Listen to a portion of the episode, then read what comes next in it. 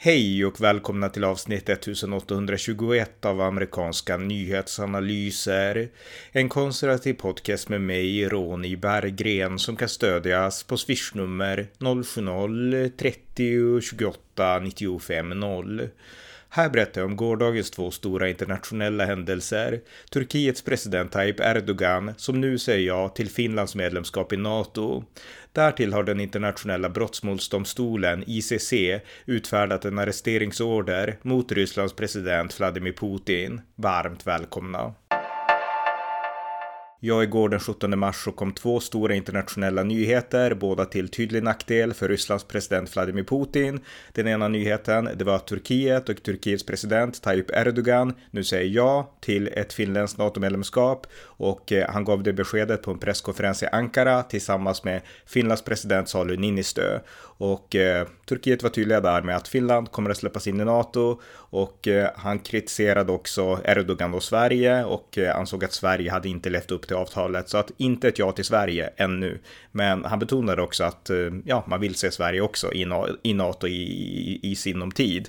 Ehm, för Finland var det här såklart ett mycket glädjande besked och eh, alla eh, från finländskt håll har uttryckt att det här är viktigt. Det är det största eh, säkerhetspolitiska beslut som Finland har fattat sedan andra världskriget och eh, alla är glada såklart. Samtidigt så uttrycker nästan alla också ett eh, försiktigt missnöje med att Sverige inte kunde gå hand i hand med Finland. Så en stor dag, historisk dag för Finland, lite tråkigare för Sverige, men det är nog bara en tidsfråga innan vi kommer med. Och eh, nu ska också det turkiska parlamentet godkänna det finländska medlemskapet då och det förväntas ske i samband med valen den 14 maj.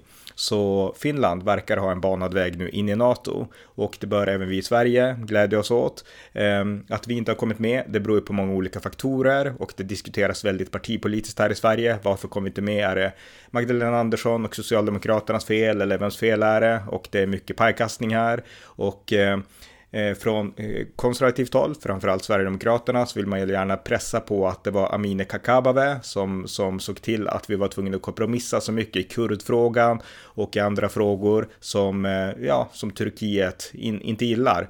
Eh, och att de kompromisserna gjordes då av Magdalena Andersson och Socialdemokraterna för att kunna rädda sin regering.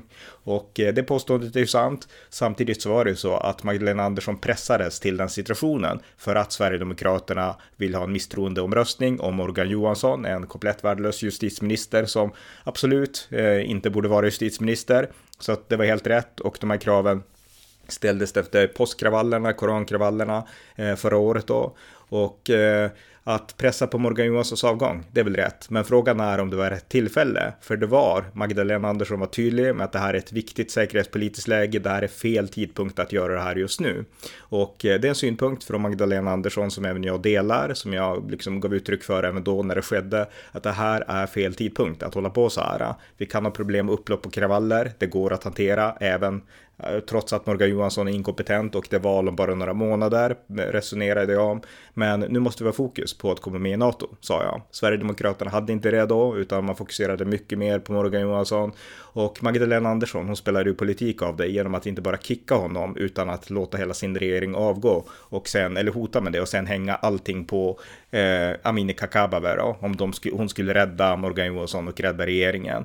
Så att eh, Eh, hon spelade också politik av det här, så att alla parter bär skuld till den situation vi har nu. Det är så. Jag tror förmodligen att Turkiet kanske hade hittat på andra saker också, men det är inte så att man inte kan tillgodose Turkiet. Finland har gjort det och eh, att vi inte har kommit fram, det beror på vissa punkter där som eh, eh, Turkiet har stört sig på och där hade Sverige kunnat agera bättre. Finland agerade helt uppenbart bättre. De hanterade kurdfrågan eh, som, som de inte haft lika stora problem med då, som vi har haft.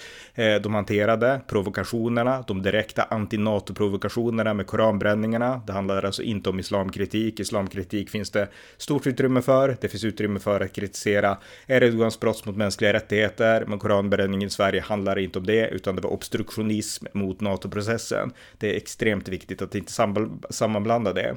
Så att, eh, att vi är här nu på efterkälken, Sverige, det beror på att vi inte har haft politiker och det gäller politiker både till höger och vänster som inte har haft blicken på målet utan de har drivit partipolitik före svensk säkerhetspolitik och det gäller båda sidor. Det är ett faktum. Finland gjorde inte så. Alla sidor i Finland, de insåg det säkerhetspolitiska läget och insåg att det här måste stå över partipolitiken.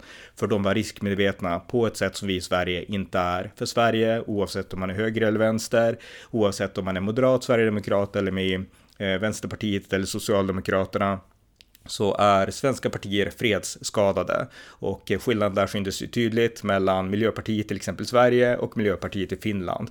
Så att eh, det är stora skillnader på hur man tänker om säkerhetspolitik i Finland och Sverige oavsett parti. Och här har Sverige och partier på båda kanter hamnat på efterkälken. Och det är viktigt att komma ihåg nu när det görs väldigt mycket partipolitiskt käbbel om den här frågan. För eh, inga partier var tydliga med blicken på målet. De hade liksom, de hade andra mål. Moderaterna vinner ville till varje pris vinna regeringsmakten. Eh, Sverigedemokraterna ville till varje pris hålla sig relevanta och inte prata om NATO som ändå har varit en problematisk fråga för SD, utan hellre prata om islam och liksom korankravaller och så. Och Magdalena Andersson, hon ville till varje pris behålla makten. Och alla de här partierna, de hade sina intressen framför den stora prioriteringen att snabbt komma med i NATO. Och det är ett misslyckande från alla kanter och det är viktigt att betona det. Jag önskar att vi hade haft ledare som kunde axla historiens ledarskap och blicka utåt, se världen och analysera världen och göra riskkalkyler utifrån historien. Det har vi inte haft och konsekvensen av det just nu det är att Finland kommer med i NATO före Sverige. Sen tror jag på sikt att Sverige kommer att komma med också. Eh, efter det här beskedet då, när Erdogan sa ja till Finland, men inte till Sverige, så var USA väldigt tydliga med att nu vill man att eh, Turkiet ska släppa in Sverige också. Och eh, jag tror ju också att det kommer att ske i sinom tid. Och eh, rent säkerhetspolitiskt just nu så det finns ju inget akut hot just nu mot Sverige. Men det här är en historisk lucka vi har, en historisk möjlighet att komma med i NATO i framtiden. Alltså NATO är mellanstatligt, alla länder måste godkänna. Nu har alla gjort det, men om det här skulle skjutas upp på framtiden så finns det möjligheter att andra backar ur av andra anledningar. Ryssland kan pressa, andra omständigheter kan spela in. Så att det här är ett historiskt unikt tillfälle som Sverige måste ta. Och där tycker jag att Sverige förlorade liksom blicken på målet lite grann. Så att det är viktigt att vi kommer in snabbt, även om Ryssland inte är lika farligt nu som för ett år sedan, på grund av att vi har liksom matat ner dem i Ukraina genom att vara tydliga i vårt stöd, så måste vi ändå komma med nu, för det här är liksom ett, en del av ett långsiktigt säkerhetstänkande för det svenska folkets framtid. Så att vi måste komma med och jag är glad att USA pressar vidare och även Finland har varit tydliga med att eh, nu vill de också att även Sverige ska få komma med. Och eh, ja, eh, vi kan bara glädja oss med Finland men också vara tacksamma till att de är så måna om oss och vill att vi också ska få följa med på resan in då i liksom den västerländska försvarsalliansen. Så det var den nyheten om Finlands medlemskap och för att då knyta det till Putin, han bryr sig kanske inte så mycket men det var inget han ville att Finland skulle komma med så att en negativ nyhet är för Putin. Men den andra stora riktigt negativa nyheten för Putin det är såklart att den internationella brottmålsdomstolen ICC de har utfärdat en arresteringsorder mot Vladimir Putin och mot en av hans medarbetare ledare, eh, Maria Lova Belova, eh, som är Rysslands barnrättskommissionär. Och eh, de har fått en arresteringsorder på grund av att otaliga, man vet inte exakt hur många, men minst 400, men det kan röra sig upp om tiotusentals ukrainska barn har ju förts från Ukraina illegalt, det är illegalt, eh, till Ryssland. Man har alltså tagit barn från sina föräldrar och eh, skickat dem till Ryssland och vem vet vad som hänt? Förmodligen har de adopterats bort till ryska par, till ryska föräldrar. Så barnkidnappning, det är vad eh, Putin har ägnat sig åt. Och den internationella brottmålsdomstolen har därför då utfärdat den här arresteringsordern. Och eh, det gjordes då också igår. Och det här välkomnades av Ukrainas president Volodymyr Zelensky och eh, Eh, Eh, ja, de flesta har välkomnat det här och även Sveriges utrikesminister Tobias Billström. Han sa att jag utgår från att alla som har begått brott i samband med Rysslands aggression mot Ukraina kommer att ställas inför rätta i sinom tid, sa han. Och eh, förhoppningen är då såklart att man ska kunna ställa Putin inför rätta. Rent praktiskt så kommer det här knappast att ske. Ryssland är inte med i eh, ICC och eh, inte Vitryssland heller och eh, ja, Putin bryr sig om, inte om det här. Och ICC är ju inte en överstatlig organisation utan man kan ge en arresteringsorder och sen är det upp till enskilda länder att eh, ja, i det här fallet då arrestera Putin. Om man skulle komma till Sverige så skulle Sverige kunna haffa Putin och eh, skicka honom till domstolen i Haga antar jag att det är då. Eh, men eh, ICC har ju ingen egen polis i Ryssland eller så som kan åka in och knacka på och haffa Putin, så funkar det inte. Och så att det här är mer en symbolisk markering. Men det är en viktig sådan tycker jag. Det är bra att det har gjorts och Eh, det visar ändå att eh, Putin är en brottsling. Men med det sagt så är jag kritisk, djupt kritisk till ICC, den internationella brottmålsdomstolen. Jag anser att ICC är en väg mot överstatlighet och eh, det är ett försök att skapa internationell lag. Och konservativa, vi som är konservativa, vi är djupt skeptiska till internationell lag därför att vi anser att det är ett steg mot överstatlighet. Så att vi tror ju i grund och botten på att enskilda nationer är de yttersta maktbeslutarna. Det är de som stiftar lagar över sin egna folk och över sin egen tillvaro. Och när det då kommer till brott mot mänskliga rättigheter och liknande så är det inte internationell lag som vi sätter vår förhoppning till, inte ens mänskliga rättigheter, utan det är moraliska makter. Det är principerna som finns inom doktrinerna för rättfärdiga krig, att om ondska begås världen, då kan goda nationer sluta samman för att stoppa ondskan. Och eh, de moralen för de goda nationerna då, det är ju liksom utifrån en västerländsk synpunkt att man inte dödar oskyldiga, att man inte ägnar sig till massmord och liknande. Men orsaken till att vi då inte tror på internationell lag, det beror på att vi tror att de här värderingarna som vi har, det är liksom sprungna ur vårt eget idéarv och det är också sprungna ur idén att det måste, staten måste vara det yttersta taket över individer i synnerhet. Så kan det finnas internationella regler för handel, det måste det finnas internationella regler för eh, alltså resor såklart, flygbolag, alltså det finns väldigt mycket där det behövs internationella regler. Så att det kommer alltid behövas. Men överstatlighet, där eh, en konstellation av länder får makt över andra eh, och eh, idéer om en världsregering och så, men även idéer där ett överstatligt organ ska kunna plocka in individer och lyfta en individ helt ur nationens beskydd. Det är någonting som konservativa är, eller åtminstone måste vara emot, för det är helt fel väg framåt. Det är liksom den totala spegelsvända principen till hur konservativa betraktar världen.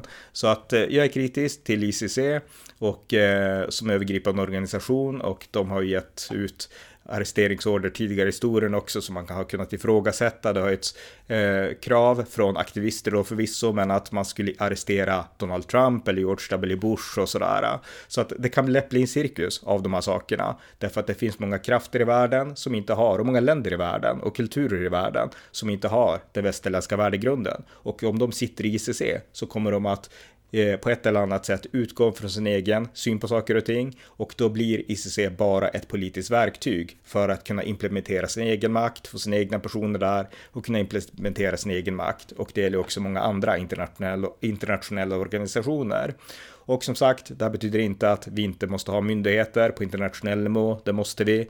Eh, vi måste ha internationella regler för allt möjligt. Men vi måste också dra en linje mot överstatlighet. Och eh, där tycker jag inte att ICC har lyckats. Och eh, jag tycker vi har pratat alldeles för lite om sånt här i Sverige. Alltså våra internationella organisationer som ger sken av att bara styra upp regler och få allt att funka och att få allt att bli bättre och fredligare, men som i praktiken är eh, maktinstrument för ökad överstatlighet. Det är någonting vi pratar alldeles för lite om här i Sverige, eh, utan vi målar mest upp att titta nu ger ICC en arresteringsorder på Vladimir Putin. Det är väl bra? Och eh, svaret på den frågan är att ja, det är bra rent symboliskt, men vi måste ändå förhålla oss kritiskt till ICC och andra liknande organisationer. Så att det gäller här att kunna ha två tankar i huvudet samtidigt. Och eh, det är lite det jag vill förmedla till er som lyssnar, för jag tror att många här i Sverige, oavsett om man är höger eller vänster, jag förmodar att ni mest är höger då, men eh, de flesta här i Sverige har inte tänkt på de här frågorna. Så att eh, Ehm, två tankar i huvudet samtidigt. Rent symboliskt så är det bra att eh, man nu markerar framåt Putin och eh, ja, skulle han ställa sig för rätta har jag inte så mycket emot det såklart då. Men vi måste ändå börja tänka lite mer på organisationer som ICC, vilken roll och vilken makt framförallt som vi vill att de ska kunna ha över fria nationer och över fria medborgare i fria länder.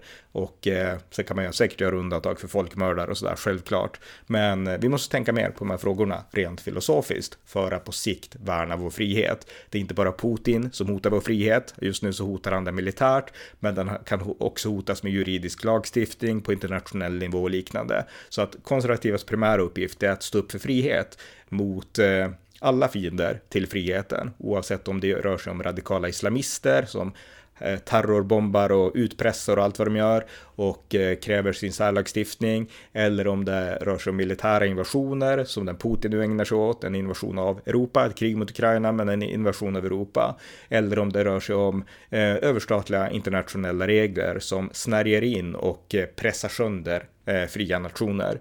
Så att eh, konservativs uppgift är att stå upp för frihet på alla nivåer och eh, det vill jag också bara skicka med då i samband med att det nu diskuteras om Putin och ICC.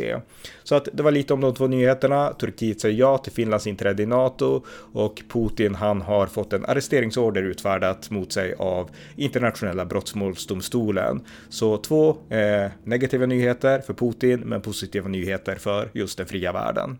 Så det var allt för den här gången. Tack för att ni lyssnat på amerikanska nyhetsanalyser.